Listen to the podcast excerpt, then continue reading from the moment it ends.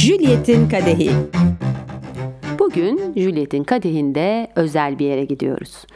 Geçen bölümdeki Yeni Zelanda seyahatimizin ardından Avrupa'ya, güzel İtalya'ya geri döndük.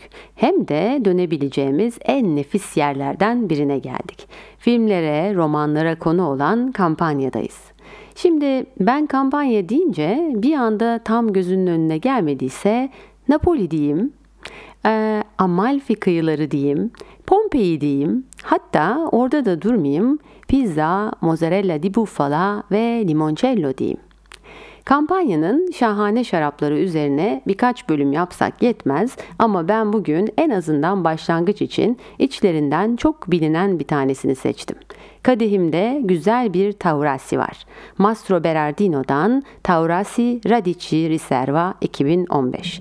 Hal böyleyken gidelim bakalım burada ne öyküler varmış.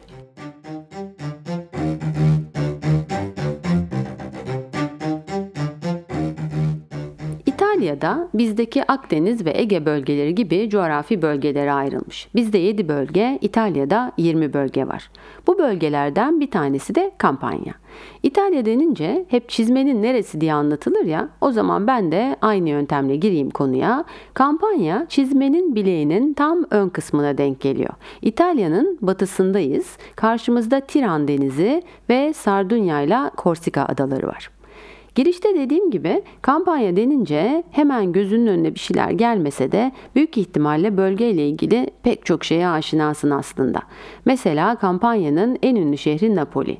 Napoli hakkında çok şey duymuşsundur eminim. Bu arada bu ilginç şehir Rönesans döneminde Avrupa'nın en meşhur şehirlerinden birisiymiş. Napoli, dünyaya Napoliten şarkıların, pizzanın, mozzarella di bufala'nın yanında bir de limoncello'yu ve grappa'yı armağan etmiş. Kampanya deyince Napoli ile bitmiyor güzellikler. Bölgenin kıyı şeridi müthiş manzaraları olan, tabloyu andıran şahane yerlerle dolu.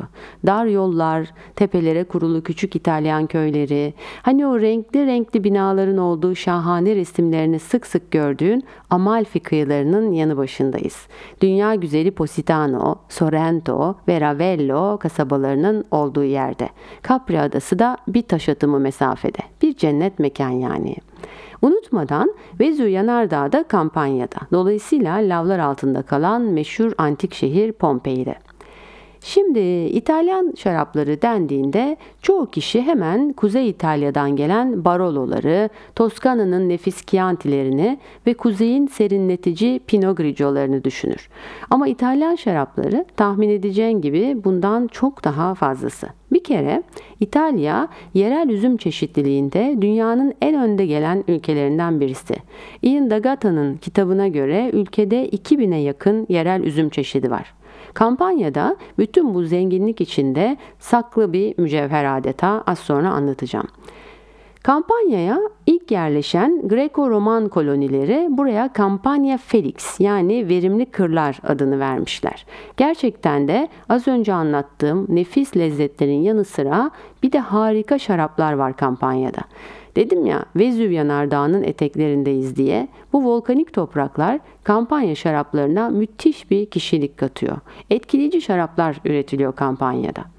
Kampanya bölgesindeki bağlar İtalya'nın en güzel bağlarından.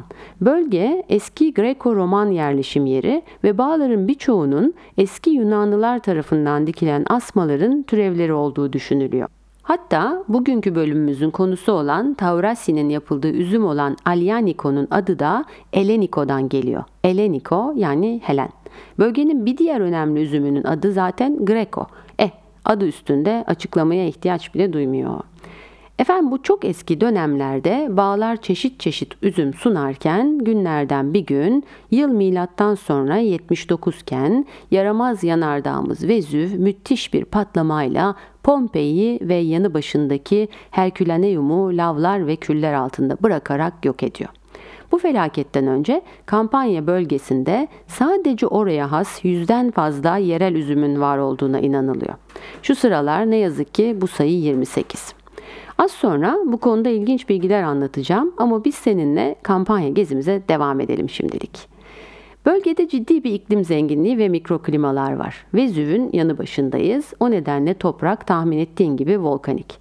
Bunun dışında yazlar kurak, kışlar ılık, yetişme sezonu uzun. Hatta bağ bozumu Kasım ayına kadar uzuyor.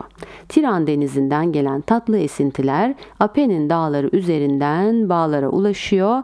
Artık biliyorsun bu esintiler havayı serinletiyor, üzümlerin hızla olgunlaşıp aniden şekerlenmesini engelliyor ve güzel bir asidite seviyesinde kalmasını sağlıyor.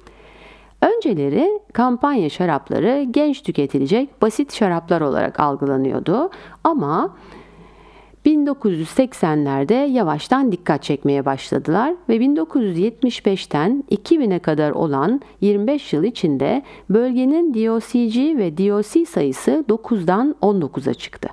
Şu anda kampanyada 15 DOC ve 4 DOCG var. Bu dört DOCG'den özellikle ikisinin Taurasi ve Greco di Tufo'nun adını çok duyduğunu tahmin ediyorum. Diğer ikisi de Fiano di Avellino ve Alianico del Taburno. Bölgenin şaraplarının %75'i DOCG'lerinden geliyor. Tüm İtalya'da olduğu gibi kampanyada da hem kırmızı hem beyaz şaraplar var.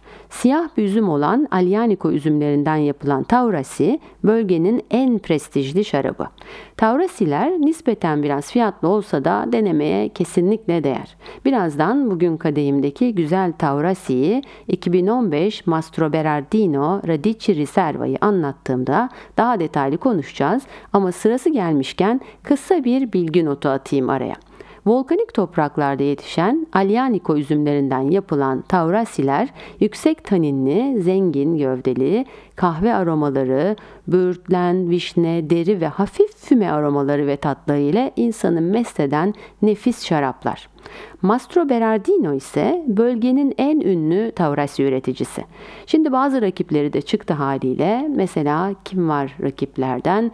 E, Antonio Caggiano, Molettieri, Terredora di Paolo, sonra Feudi di San Gregorio. Son yıllarda Taurosi Diosici'de bu üreticiler harika şaraplar yaparak önce İtalya'nın daha sonra da dünyanın dikkatini çekmeye başladılar. Taurasiler aynı Barololar gibi yıllandırmaya uygun şaraplar. Aglianico öyle bir üzüm ki yetişirken çok geç olgunlaştığı için güneyin sıcaklığına ihtiyacı var. O nedenle de kampanyada mükemmel yetişiyor ve aynı nedenle de İtalya'nın kuzey bölgelerinde yetiştirilemiyor. Taurasi'nin yanı sıra kampanyanın bir diğer DOC'si olan Falerno del Massico ve kampanya DOC'cisi Alianico del Taburno'nun da temel üzümü Alianico. Kampanyada Aglianico dışında ne bulursun, ne kaçırmamak lazım diye aklına geliyorsa hemen bir minik parantez açayım ve araya bir bilgi notu iliştireyim. Mesela güzel, çıtır, asiditesi yüksek bir beyaz var, falangina. Aglianico bölgeyi temsil eden kırmızı ise falangina da bölgeyi temsil eden beyaz. Kampanyanın 5 farklı bölgesinde var. En çok da Benevento ve Caserta'dan geliyor. Beyazlardan bir de Greco di Tufo ve Fiano di Avellino var. İkisi de dünyaca ünlü şaraplar. Özellikle Fiano di Avellino İtalya'nın en güzel ve en sofistike beyazlarından 10 yıl kadar yıllanma potansiyeli var. Falangina'nın çıtırlığına karşılık Fiano'lar daha derin, daha gövdeli ve daha kompleks şaraplar. Greco di Tufo'ya gelince o daha az aromatik ama daha güçlü bir şarap. İnce kabuklu bu üzüm mineral notalara sahip zengin, sürprizli bir beyaz yapıyor. Eğer iyi bir üreticiden geliyorsa bu da yıllanabilen bir şarap. Greco di Tufo'nun adından da anlaşılacağı gibi kökleri eski Yunan dönemine uzanıyor. Koyuca sarı renkte, mineralitesi yüksek, arada karamel notaları olan karakterli bir beyaz. Ya ben daha tatmadım tadı neye benziyor Juliet dersen biraz Fransa'nın Viogniès'ini andırıyor o tatları hayal et derim. Asiditesi yüksek olan bu beyaz kampanya şarapları yemeklerle çok güzel giden şaraplar. Hatta Greco di Tufo etlere ve yağlı yemeklere bile çok güzel eşlik ediyor. Falangina deniz mahsullerinin ve salataların iyi bir eşlikçisi. Fiano ise Karpacciolar, sushiler, sebzeli makarnaların yanında harika.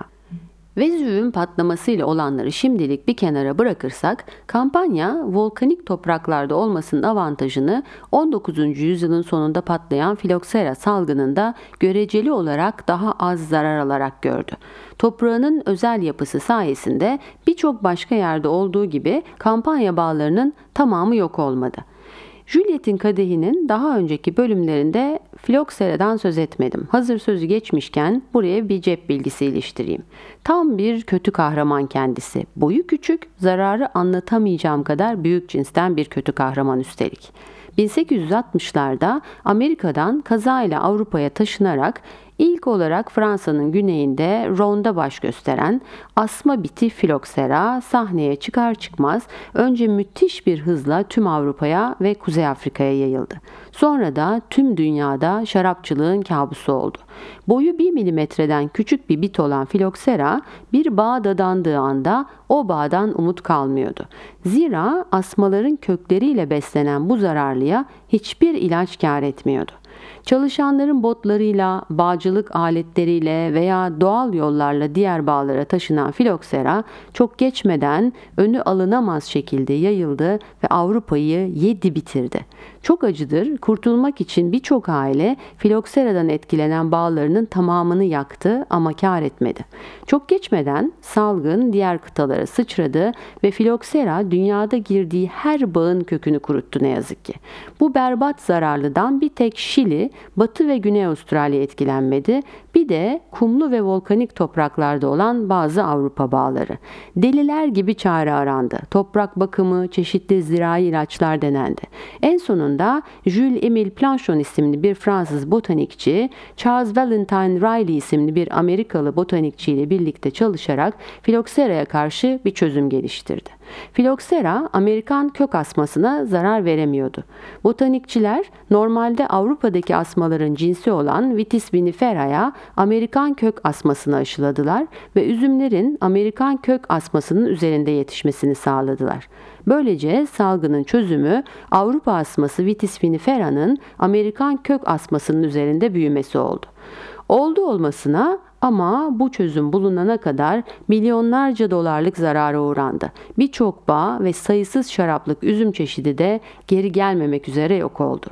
1900'lere gelindiğinde tahminlere göre Fransa'daki bağların %70'ten fazlası, Avrupa'daki bağların %70 ila 90'ı arasında bir kısım filoksera nedeniyle yok olmuştu. Demiştim minicik boylu ama çok kötü bir karakter diye. Filoksera parantezini burada kapatalım. Dayanamadım, heyecanlanıp üzüm üzüm dolaştım bölgede. Efendim, özetle derim ki kampanyadan gelen şarapları keşfetmeye zaman ayır. Pişman olmayacaksın ve eminim pek güzel sürprizlerle karşılaşacaksın. Şimdi saptığım yan yollardan geri geleyim de Taurasi'de soluklanalım biraz. O arada kadehimdeki şu güzel Mastro Berardino'dan da bir yudum alayım. Demiştim ki Taurasiler Aglianico üzümlerinden yapılıyor. Aglianico asmaları ilk olarak 2500 yıl kadar önce İtalya'nın Campania ve Basilicata bölgelerinde dikilmiş. Aglianico kuru ve güneşli yerlerde güzel yetişiyor, yüksek yerleri seviyor, erken tomurcuklanıyor ve geç olgunlaşıyor. Taurasi, Aglianico üzümünün adeta ana vatanı. Aglianico neden en güzel şarapları Taurasi'de yapıyor diye düşündüysen zira volkanik toprakları seviyor. Eh, Vezüv'ün eteklerinden daha iyi nereyi bulacak? Bir başka sevdiği yerde kampanyanın hemen güneyindeki Basilicata bölgesi. Buradaki DOCG adından belli Aglianico del Vulture. Ama Taurasiler Aglianico şaraplarının içinde yıllanmaya en uygun, en kompleks ve en dengeli şaraplar olarak biliniyor. DOCG kuralları gereği Taurasiler piyasada satışa sunulmadan önce bir yılı meşede olmak üzere en az 3 sene olgunlaştırılmak zorunda. Bu kural rezervalarda 4 yıla çıkıyor. Eskiden Aglianico şaraplar gayet taninli ve sert şaraplar olurmuş. Şimdi bağcılık ve şarap yapım tekniklerindeki ilerlemeler ve maharetli ellerle üretildiğinde daha güzel karakterli ve zarif şaraplar çıkıyor ortaya. Hatta artık gençken keyifle içilebildiği gibi yıllandırmanın da mümkün olduğu şaraplar haline geldiler. Gelelim kadehimin ardındaki aileye. O aile ki Taurasi dendiği anda ilk akla gelen isimlerden çünkü bölgeye damgasını vurmuş bir aile. Mastro Berardino'lar kampanyanın en önemli üreticilerinden ve tam 11 nesildir kampanyada şarapçılık yapıyorlar. Yerleri Atripalda adında şirin mi şirin bir kasabada. Bu kez perdeyi 1750 civarlarında Pietro di Mastro Berardino açıyor. Şu anda üretim yaptıkları şaraphane ise onun oğlu Angelo tarafından 1878'de kuruluyor. Angelo şimdiki kuşağın büyük dedesi. Büyük dede aynı zamanda Kral II. Viktor Emanuel tarafından şövalyelik ünvanı verilmiş bir dede. Ha bir de pek vizyoner bir dede daha o saatte Roma'da bir lojistik şirketi kurarak şaraplarını ihraç etmek konusunda çalışmalara başlıyor. Sonra işi oğlu Michele devralıyor ve devam ettiriyor. Ama arada ciddi bir kriz yaşıyorlar. Zira 2. Dünya Savaşı'nda Mastro Berardino iflas ediyor. Dönem kötü bir dönem. Bölge kendini kurtarmaya çalışıyor. Filoksera salgınını yeni atlatmış ve 2. Dünya Savaşı'nda zarar görmüş olan İtalya'daki bütün bağcılar da daha verimli olacağı düşüncesiyle yerel üzümleri bırakarak farklı üzümler dikmeye başlıyorlar. Kampanyada da İtalyan şarap otoriteleri Sangiovese ve Montepulciano'nun ekilmesi yönünde bağcılara telkinlerde bulunuyor. O dönemde işin başında olan Antonio ise farklı bir yol izlemeye karar veriyor ve bölgenin en tipik yerel üzümleri olan ve neredeyse nesli tükenmekte olan Fiona ve Greco di Tufo'ya odaklanıyor. Antonio şirketi iflastan kurtarıp hayata döndürüyor ve sonrasında da Mastro Berardino ailesi ısrarla bölgenin en önemli yerel üzümleri olan Aglianico, Fiano, Piedirosso, Greco, Falangina ve Coda di Volpe üzümlerini ekmeye ve desteklemeye devam ediyor. Onların yerel üzümlerle yaptıkları şaraplardaki başarısını gören diğer bağcılar ve şarap üreticileri de yavaş yavaş Mastro Berardino'yu örnek almaya başlıyorlar. Yavaş yavaş dedim çünkü her şeye rağmen 1990'ların başına kadar Mastro Berardino yerel üzümlerden şarap yapan tek marka olarak yoluna devam ediyor. Özetle Mastro Berardino'ların kampanyada ve özellikle neredeyse yok olma tehlikesiyle yüz yüze gelen Greco ve Fiano üzümlerindeki emekleri çok büyük. Krizler atlatıldıktan sonraki dönemde aileye biraz nifak tohumları karışıp iki kardeş hafiften limoni bir dönem geçirseler de olay 1994'te Antonio'nun şirketi alması ile tatlıya bağlanıyor. Gel gör ki Antonio şirketi kaparken diğer kardeş Walters da aşağı kalmıyor. Aile ismini ve şirketi alan abisine karşılık o da ailenin en güzel bağı olan Terre Dora'yı kapı veriyor. Bu arada Terre Dora altın topraklar demek. Eh bence küçük kardeş bu işten fena çıkmamış sanki. Mastro Berardino halen bir aile işletmesi. Bugün işin başında Antonio'nun oğulları Carlo ile Piero var. 320 hektarlık bağlarından yılda yaklaşık 2 milyon 400 bin şişe şarap üretiyorlar. Kampanyanın denize kıyısı olan ve Akdeniz iklimine sahip diğer bölgelerinin tersine Mastro Berardino bağlarının bulunduğu Avellino da aynı Piemonte gibi karasal bir iklime sahip. Mastro Berardino'ların en ünlü şarabı %100 Aglianico üzümlerinden yaptıkları Taurasiler. Bölgede üretilen diğer Taurasilerin birçoğu Barbera, Sangiovese ve Piedirosso kupajları iken Mastro Berardino'lar kendi Taurasilerini %100 Aglianico ile üretiyorlar ve 20. yüzyıl boyunca tek başlarına Taurasi Diosici'nin üretiminin %90'ını gerçekleştiriyorlar. Eh bu kadar özen gösterince namları almış yürümüş tabii. Bu arada Taurasi Diosici'de Mastro Berardino sayesinde yeniden ciddi prestij kazanıyor. Gamın en üstünde bugün benim kadehimdeki Radici Riserva yer alıyor. Radici İtalyanca'da kökler demek. Radici meşede 30 ay, şişede 36 ay daha kalıyor. Bu kadar başarı arka arkaya gelince Mastro Berardino Güney İtalya'nın en başarılı şarap üreticisi olarak kabul ediliyor. Hatta şarap uzmanları Joe Bastianich ve David Lynch Mastro Berardino'nun Taurasis'ini Güney İtalya'nın Barolo'su diye anıyorlar. Ve Radici'nin Güney İtalya'da kırmızı şarap aranında bir devrim yaptığını söylüyorlar.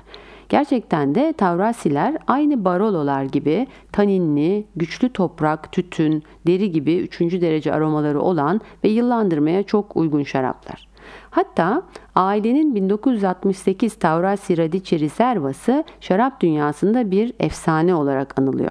Ama bu bir ilk değil. Zira Taurasi Radici Riserva 1958'de aynı sükseyi yapmış bir şarap. Şarapları dışında Mastro Berardino'ların tanındıkları önemli bir konu daha var. O da kampanyanın şarap mirasına yaptıkları katkı. Şöyle ki abi Antonio'nun bambaşka bir uzmanlık alanı daha var. Ampelografi. Efendim ampelografi botanik biliminin asmalar konusunda uzman olan kolu. Farklı türde asmaların keşfi, türlerinin belirlenmesi veya klasifiye edilmesi alanında çalışıyor ampelograflar. Başta abi Antonio olmak üzere bizim Mastro Berardino'lar bölgenin ampelografları olarak bilinen bir aile. Hatta Antonio'ya bölgede büyük saygı duyuyorlar ve üzüm arkeoloğu diyorlarmış. Gerçekten de Mastro Berardino ailesi kampanya bölgesinin şarap konusundaki tarihini aydınlatmakta ve korumakta önemli rol oynuyor. Özellikle de eski Greco-Roman dönemine ait olanı. Şimdi bu konu biraz ilginç olduğundan burada sana bunları birazcık anlatayım istiyorum. Mastro Berardino ailesinin Pompei Arkeoloji Enstitüsü ile birlikte yaptığı Villa dei Misteri yani Sırlar Villası projesi 1996 yılında başlıyor. Pompei Arkeoloji Enstitüsü Mastro Berardino'lara özel bir davet yapıyor ve onlardan eski Pompei şarapçılığına dair ne varsa araştırmalarını ve bulmalarını istiyor. Biraz önce anlattığım gibi yaramaz yanardağımız Vezüv patladığında iki şehri yok etmekle kalmıyor, Pompei'nin bağlarını ve şaraba dair bütün mirasını da küller ve lavlar altında bırakıyor. Büyük şans eseri olaydan Villa dei Misteri korunaklı şekilde kurtuluyor. Hatta içindeki tarihi Roma freskleri neredeyse aynen duruyor bugün. İlk kez 20. yüzyıl başlarındaki kazılarda keşfedilen villa bugün turistik gezilere açık, önemli bir yer ve arkeolojik çalışmalar hala devam ediyor. Yolun düşer de görmek istersen Villa dei Misteri Pompei kalıntılarından 15 dakika yürüme mesafesinde ve kesinlikle görmeye değer gibi görünüyor. Mastro Berardino'lara gelince onlar Pompei Arkeoloji Derneği ile ortak yaptıkları çalışmalarda hem Pompeililerin şarap içerken resmedildikleri fresklerin hem de Vezüv'ün lavlar altında kalan şarap evlerinin ortaya çıkarılmasında önemli rol oynuyorlar. Bir de sürpriz çıkıyor ortaya bu arada. Kazılar sırasında Pompei döneminin beş bağını ve bu bağlara ait mahzenleri buluyorlar. Üstüne üstlük ve gözlere ziyafet mahzenler şarapların saklandığı terakota kaplarla dolu. Aslında sevgili şarapsever, burada daha da ulvi bir amaçları var Mastro Berardino'ların. Pompei döneminde şarap yapımında kullanılan üzümlerle o döneme ait şarap üretim teknikleri kullanarak günümüzde şarap üretmek. Tam bir idealizm örneği olan bu projede Mastro Berardino'lar hem tarihçilerle hem de ampelograflarla çalışarak kazılar sırasında bulunan asma köklerini ve volkanik küllerde bulunan üzüm çekirdeklerini DNA testlerinden geçirerek incelemeler yapıyorlar. Bunun sonucunda da Piedirosso ve Shashinozo üzümlerini belirliyorlar ve diyorlar ki işte bu iki üzüm çeşidi Pompei döneminde şarap yapımında kullanılan ana üzümler. Projeye tam gaz devam ediyorlar ve 1990 yılında bu üzümlerin asmalarından aynı Pompei dönemindeki yaklaşımla bağlar kurmaya başlıyorlar. Bu bağları aynı şekilde budayıp asmalara aynı şekilde bakım yapıyorlar. Aynı tekniklerle bağ bozumu yapıyorlar. Dikkatini çekerim 2000 yıl önceki bağları günümüze taşımaktan söz ediyorum. İnanılır gibi değil. Bununla da bitmiyor. Şarap yapımında da fermentasyon, maserasyon, meşeleme yöntemlerini kullanıyorlar. Ortaya ne mi çıkıyor? 2001 yılında tam 1721 şişe şarap. Çıkar çıkmaz da eleştirmenleri ikiye bölüyor bu şaraplar. Kimisi şarapları aromatik, zengin meyve ve baharat aromaları sunuyor bulurken kimisi de aşırı taninli kaba şaraplar olarak nitelendiriveriyor. Bence biraz ayıp etmişler. Verilen emeği düşünürsek alkışlamak lazımdı ama malum her şeyde olduğu gibi burada da tek ses olmayacaktı elbette. Ha bu arada harika bir öykü ve proje olmasının dışında bir faydası olduysa bu kadar çabanın o da şu. Bu 1725 şişe şarabın çoğu açık arttırmada satılıyor ve elde edilen gelir yeniden Pompei ve Kampanya bölgesindeki kazı ve arkeoloji çalışmalarına bağışlanıyor. Ama ne macera diyor ve kadehime odaklanıyorum yeniden şimdi. Bugün Juliet'in kadehindeki bu güzel Mastro Berardino 2015 Taurasi Radici Riserva %100 Alianico'dan yapılmış bir güzel kırmızı. Gövdeli ve rengi de bunu doğrular nitelikte şahane bir koyu yakut kırmızısı. 30 ay Fransız meşede, 12 ayda şişede dinlendirilmiş. Eh inkar da etmiyor. Kokladığımda ilk gelen erik, koyu kırmızı meyveler, olgun kirazlar, dipten dipten de reçelimsi meyveler, biraz füme kokusu, çikolata, sedir ağacı, vanilya, topraksı aromalar da var bir parça burnuma gelen. Bir yudum alınca da bu güzel aromaların tatları damağımla buluşuyor. Kahvemsi, kakaolu bir dip tat geliyor, tatlı tatlı. Benim çok sevdiğim badem de hazır ve nazır. Yuvarlak, güzel, damı rahatsız etmeyen taninleri var. Güneyden gelen çoğu şarapta olduğu gibi tam seklemek mümkün değil. Azıcık tatlılık geliyor damakta. Asiditesi de orta seviyede. %13,5 alkol oranıyla yüksek alkollü diyebiliriz. Taurasi Radici Riserva'ya. Bu şarabı 17-18 derecelerde servis edersen o güzel tatları en iyi şekilde alır, kadehinin tadını da en keyifli şekilde çıkarırsın. Müsaadenle sevgili şarap sever, hep yaptığım gibi kadehten tabağa geçivereyim hemen. Neyle gider elindeki şarap Juliet dediğini duyar gibiyim zira. Taurasi dedim, %100 Aglianico dedim. Bu güçlü şarabı dengeleyecek güzel tabaklarla eşleştirmek gerek değil mi? Bana katılırsın herhalde. Ben listenin en başına güzel leziz bir biftek yazarım. Fırında kuzu veya dana, av etleri, baharatlı soslu tabaklarda çok güzel dengeler. Et soslu makarnaların yanında dans eder. Türüflü bir yemeğin yanında da bence mükemmel olur. Saklayayım mı Juliet dersen kesinlikle derim. Dedik ya Taurasi ya da Aglianico güneyin barolusu. Saklanır ve saklandıkça güzelleşir sevgili şarap sever. Üstelik de daha uygun fiyatlı yani özetle at kavına 10 hatta 15 yıl kadar sonra yeniden buluş. Bugün Juliet'in kadehinde Mastro Berardino'nun 2015 Taurasi Radici Riservası vardı. Bağından yamacına, üzümünden bağcısına bu nefis şarabı konuştuk. Beni nerede dinledin bilmiyorum ama umarım öykümüz hoşuna gitmiştir. Instagram'da Juliet'in Kadehi ismiyle podcast'teki tüm şarapların görsellerini ve bazı ek bilgileri bulabilirsin. Bana bir şey sormak veya bir yorum yazmak istersen işte e-mailim julietinkadehipodcast at gmail.com Damağından ve hayatından nefis tatlar eksik olmasın. Bir sonraki bölümde buluşmak üzere. Sağ olun. Şerefle.